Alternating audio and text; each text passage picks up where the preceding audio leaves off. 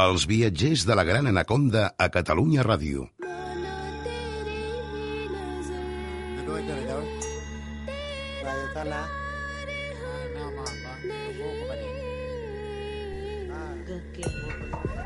Please hear my anguish words of truth.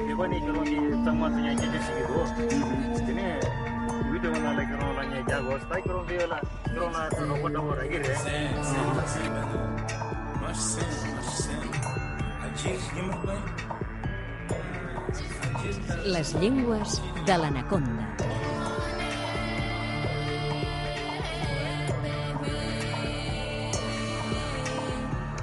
David, què tal? Com el anem? darrer dia ens vas parlar de l'origen del castellà Mm. i vam veure que es parla a molts països, si bé és cert que amb accents i amb característiques particulars. Sí, esclar, eh, com qualsevol llengua doncs, va evolucionant, rep influències d'altres llengües, i en el cas del castellà doncs, ha passat així. A més, una llengua eh, que es parla amb un, amb un territori geogràfic tan extens, doncs és normal que cada, allò que diuen, que cada terra fa sa guerra, no? i malgrat que hi ha la Real Acadèmia de la Llengua Espanyola que pateixen, no? Dic pateixen, per Bé, la perquè unitat, les llengües són vives, per, no? per la unitat de la llengua, no? i que l'espanyol no s'acabi disgregant, David Valls, lingüista. eh, doncs hi ha coses que se'ls escapen amb el sentit de dir que és impossible mantenir una llengua totalment uniformada a tot arreu on es parla. Això és impossible amb el castellà, amb el català i en qualsevol altra llengua. Home, home, depèn de quin castellà. Eh, a l'Amèrica del Sud, per exemple, sí que és cert que parlen fent servir les mateixes paraules, però sovint tenen significats diferents. Exacte. És a dir, que saps Sí, que sí. sí que parlen eh, o que, que fan servir paraules que tu eh, coneixes, però després te n'adones de que no, de que falla alguna és diferent, però si això ja passa... alguna cosa amb l'entesa. Ah, això ja passa amb el català. Imagina't que som quatre i el territori és petit. Hi ha paraules que a Catalunya volen dir una cosa i a les Balears en volen dir una altra, no? I tant, i tant. Doncs... Eh... Això per no parlar del canvi de lletres, per exemple, també. Exacte. Um, per exemple, podríem parlar una mica l'espanyol del Carib, no? que té unes característiques també peculiars, no? Uh, Així que avui viatgem al Carib, eh? Anem al Carib. Va. Vinga, va. Doncs que en comptes de dir uh, R, en diuen L, no? És una... És, eh, diré els termes tècnics, eh? Senom- És una lateralització de la R implosiva. Però no? Això passa a la Xina i a Tailàndia també, eh? En lloc de la R diuen L. Eh, però allò és diferent. És diferent. Això se'n diu l'amdecisme, no? que és un fenomen fonètic que consisteix a pronunciar la lletra L quan hi ha una R. El que em dius tu de la Xina és un tema que els fonemes que representem per les lletres L i R eh, en aquests territoris no són, no, no, no són contrastius. Tu a un japonès li dius hola o li dius hora i li sona igual. No? Però amb Quins l'àrab- malentesos, eh? Sí, però amb l'àrab tu dius batata i dius patata i els sona igual, perquè la, el so aquest implosiu, oclusiu, perdó, la B i la P, doncs són, són, no els ofereixen contrasta. És el mateix so, l'únic que un és sonor i l'altre sord, no? Uh, doncs amb aquestes zones del Carib doncs la L i la R uh, tenen aquest mateix efecte no? les confonen una amb l'altra i, no, els hi, i no, els hi, no són contrastives sí, també, i no els, no els hi afecta el significat de la paraula Això què vols dir? Que en lloc de dir embolicat. calor diuen calol? Diuen calol, diuen velde, per color verd, no? Verde, no? I per fer-ho així més específic, en comptes de dir Puerto Rico, diuen Puerto Rico. No Puerto Rico, eh? Si No, dius no, no. Puerto Rico, No, no, no. és que estàs imitant un element.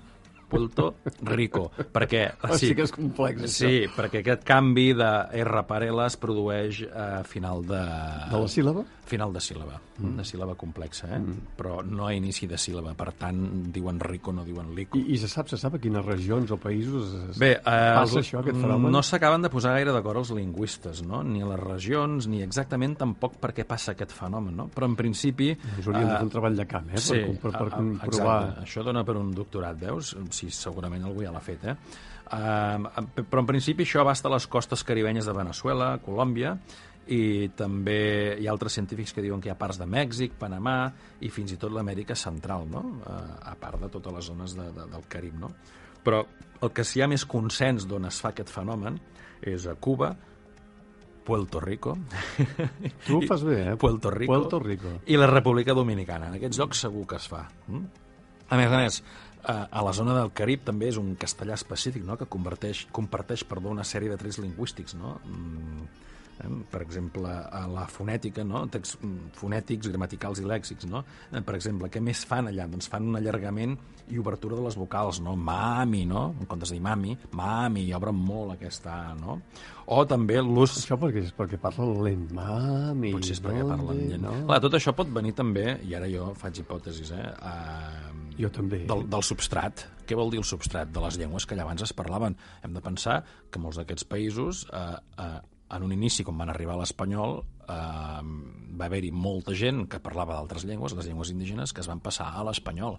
Llavors aquesta gent van incorporar a l'espanyol trets distintius no? de les seves llengües, per dir-ho així. Eren parlants dic malament, defectuosos del castellà, clar, quan tu prens una llengua no la parles bé, no? I més No, quan són llengües tan diferents. Llavors pot ser que alguns d'aquests trets quedessin ja fossilitzats en la llengua castellana i pot ser algunes coses d'aquestes. Eh? Clar, que si tu et diuen, Pot per ser. exemple, com tu estàs, diràs, aquest no parla Exacte, bé. No? eh? és un de, una de les característiques que té el castellà d'aquella zona, no? que és que el pronom personal, no? el tu, no? el posen al revés, nosaltres diem com estàs tu, no? doncs allà diuen com tu estàs. Clar, aquest canvi eh, sintàctic no? de l'ordre dels, dels, dels elements en una frase pot ser degut també a alguna cosa de substrat. No ho sé jo, eh? No ho sé. I això fa que el caribeny tingui, doncs, una, Sí, entitat pròpia. Exacte, és un castellà amb una entitat pròpia com el castellà de Mèxic, com el de Xile, com el d'Argentina, no cal dir-ho, i, i Paraguai. Eh? Vol dir que no és castellà, és caribeny? És a dir, que ja té unes... s'ha fet una llengua nova? Clar, aquí entraríem en política, Ah, penso jo. Escolta, això aquí és un terreny molt eh, lliscós, eh? Eh, esclar, aquí això ja és política, perquè és allò, bé, el valencià és català jo és voldria valencià, acabar la conversa, eh, David? però això és el valencià i el català. Què és el valencià? És català, és valencià, és una llengua separada, això és política. El caribeny és castellà o és una llengua a part? Bé, aquí cadascú que pensi el que vulgui. Home, jo penso que malgrat aquests canvis fonètics no deixa de ser castellà, la intercomprensió és pràcticament total, no? Eh, amb un nivell més o menys estàndard, clar, si comencen a parlar amb argot i això et perds, eh? Però hi ha teories, hi ha teories sobre si és o no una no, llengua no, nova, jo crec si és que espanyol, si des, és caribeny... des, des del punt de vista acadèmic ningú dubta que allò és espanyol. Eh? A més a més, mm, ja la, torno a insistir la RAE, no? la Real Acadèmia de la Llengua Espanyola, ja, ja se'n cuida prou de que, de que allò sigui espanyol i que tothom en dingui espanyol i que no hi hagi ningú que digui que allò no és espanyol. Però no hi ha l'anomenada teoria andalusista? Sí, hi ha la, exacte, hi ha la teoria andalusista, no?, que sí, que proposa que les veritats de l'espanyol parlades al Carib reflecteixen la preponderància dels colons andalusos i canaris a la regió, però no? i els llaços marítims, comercials, culturals, etc etc. El que estan dient és que potser aquests parlants venien d'Andalusia, no? Um, però ningú diu que no parlin castellà. Els andalusos diuen que parlen castellà en principi. Jo no sé si algun andalús secessionista des d'un punt de vista lingüístic. No, però els castellans, per exemple, no fan aquest canvi de, de R per L. Bé, a Andalusia sí, això de passar la L a R, per exemple, dir en comptes de dir l'último, dir último, Ah, sí, no? és cert, Clar, és però és cert. que de fet és a l'inversa. Eh? Aquí estem parlant de que diem, Sí, comptes sí. de dir Puerto Just a Rico, l'inversa, just a l'inversa. Puerto Rico, Puerto Rico. Els andalusos... Es posen de més dir- Rs de les que clar, calen. En comptes de dir último, diuen urt, er último, no? Però bé, amb què està dient amb això? Que amb el castellà aquests canvis de, de L i R són possibles, en un sentit o en un altre, i que si l'andalús ho fa, potser va venir d'andalusos que ho van fer al revés, o vés a saber. És que tot això també és molt complicat de saber, i més si no hi ha registres escrits, que quan tens una cosa escrita tens la prova dels canvis, no? Clar. Però... A més, si no són canvis molt, molt, molt generals, no? Clar, per exemple, quan havíem parlat del programa que parlàvem del castellà, el pas de la F no, a la H, això ho sabem, no només perquè, la paraula, perquè sabem com s'escrivia el llatí original, no? eh, però perquè també trobes escrits no? on aquella F ja desapareix i posen una H. I per què posen una H? Coi, perquè la pronunciaven, no per res més, eh? Els lingüistes, en aquest cas, Mm. eh, parlant de les formes de parlar del Carib, han detectat casos minoritaris de parlants que canvien la L per la Mm. R en llocs com Puerto Rico o República Dominicana.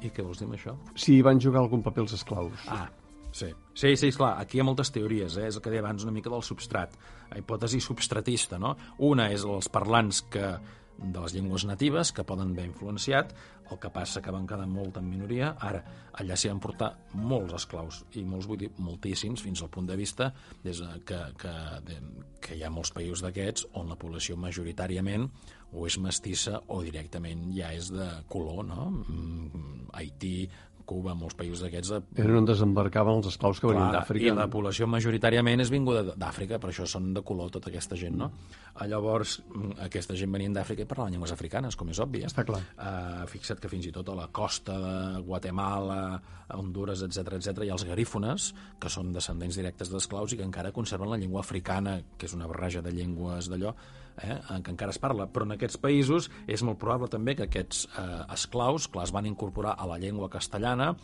eh, la van aprendre com la van aprendre, no la van aprendre precisament a l'escola i de bon grat, sinó la van aprendre de males maneres, i van incorporar sons i, cos, i característiques de les seves llengües. Podria ser que alguna d'aquestes llengües tingués un problema també, un problema, ho dic malament, eh? però tingués alguna cosa amb les R's i amb les L's, com fem la broma al xinès, no? I que hi hagués aquests petits canvis i aquestes confusions. Clar, és que hi havia d'haver una influència brutal, perquè només a Cuba, per exemple, hi van traslladar, es calcula, 750.000 esclaus. Sí, sí, sí. En menys d'un segle. En menys d'un segle, clar, és el 40% de la població, per això te'n vas a Cuba i tots són mestissos, molatos, no sé com hem de, com n'hem de dir, eh? Quina barbaritat, eh? En temes racistes no vull, no vull entrar, eh? Vull dir, però la gent ja ens entén. Sí, és clar, és una barbaritat, és una barbaritat, sí, sí.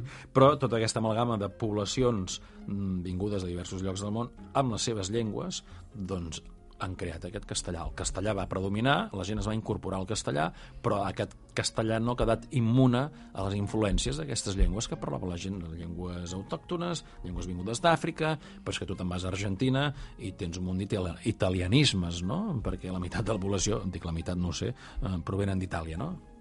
Escolta'm, i hem començat parlant del l'abdecisme. Mm. Um, aquesta és una característica, una forma de parlar, per dir-ho d'una altra manera, força estigmatitzada Sí, no? de les sí, classes populars sí. i que no s'accepta gaire des de la norma culta. No, No? és una forma que es considera bastant vulgar, col·loquial de parlar, però en els àmbits cultes, a les classes altes, diguéssim, mitjanes i altes d'aquests països, no? doncs no és una forma acceptada, la gent no ho fa. Eh? I, evidentment, amb un registre escrit no s'accepta, no? Escriure Puerto Rico no està acceptat i bé, és una cosa que ha quedat per les classes populars.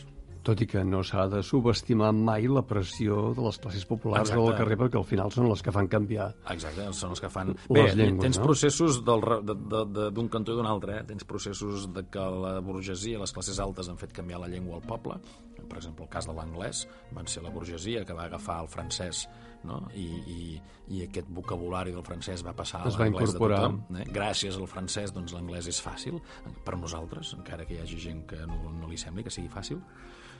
Però també hi ha molts casos en què la llengua, diguéssim, acaba cedint a la pressió del poble. Bé, la llengua no, les classes altes no acaben cedint a la pressió del poble i de, la- de les classes baixes i tothom acaba parlant doncs, igual i aquestes característiques s'acaben incorporant a la llengua estàndard i s'acaba escrivint d'aquesta manera. Al final, el que parlem ara, aquest llatí vulgar, és una cessió de les classes populars al llatí clàssic, si no encara estaríem amb el llatí clàssic i estaríem estudiant el llatí clàssic, no? El català és la, la, és l'èxit, diguéssim, no, de les classes populars i del llatí mal parlat, no? que ha esdevingut una llengua de culte, una acadèmia que el regula, etc etc. però això és el... Si ara ens sentís un, llatí, un, romà de fa dos mil anys... mans al cap. Es posem mans al cap i per què esteu parlant? Això vol dir que d'aquí uns anys direm Puerto Rico? Podria ser. Vés a saber, no? Bé, si ells decideixen dir-ho així i incorporar-ho al diccionari i a la gramàtica, doncs dir Puerto Rico no seran vulgarismes, sinó que ho podràs escriure i tot. Podràs posar una carta, qui encara escrigui cartes, oi? I a l'adreça posar Puerto Rico. David Valls, moltes gràcies. Vinga, a vosaltres. Adéu.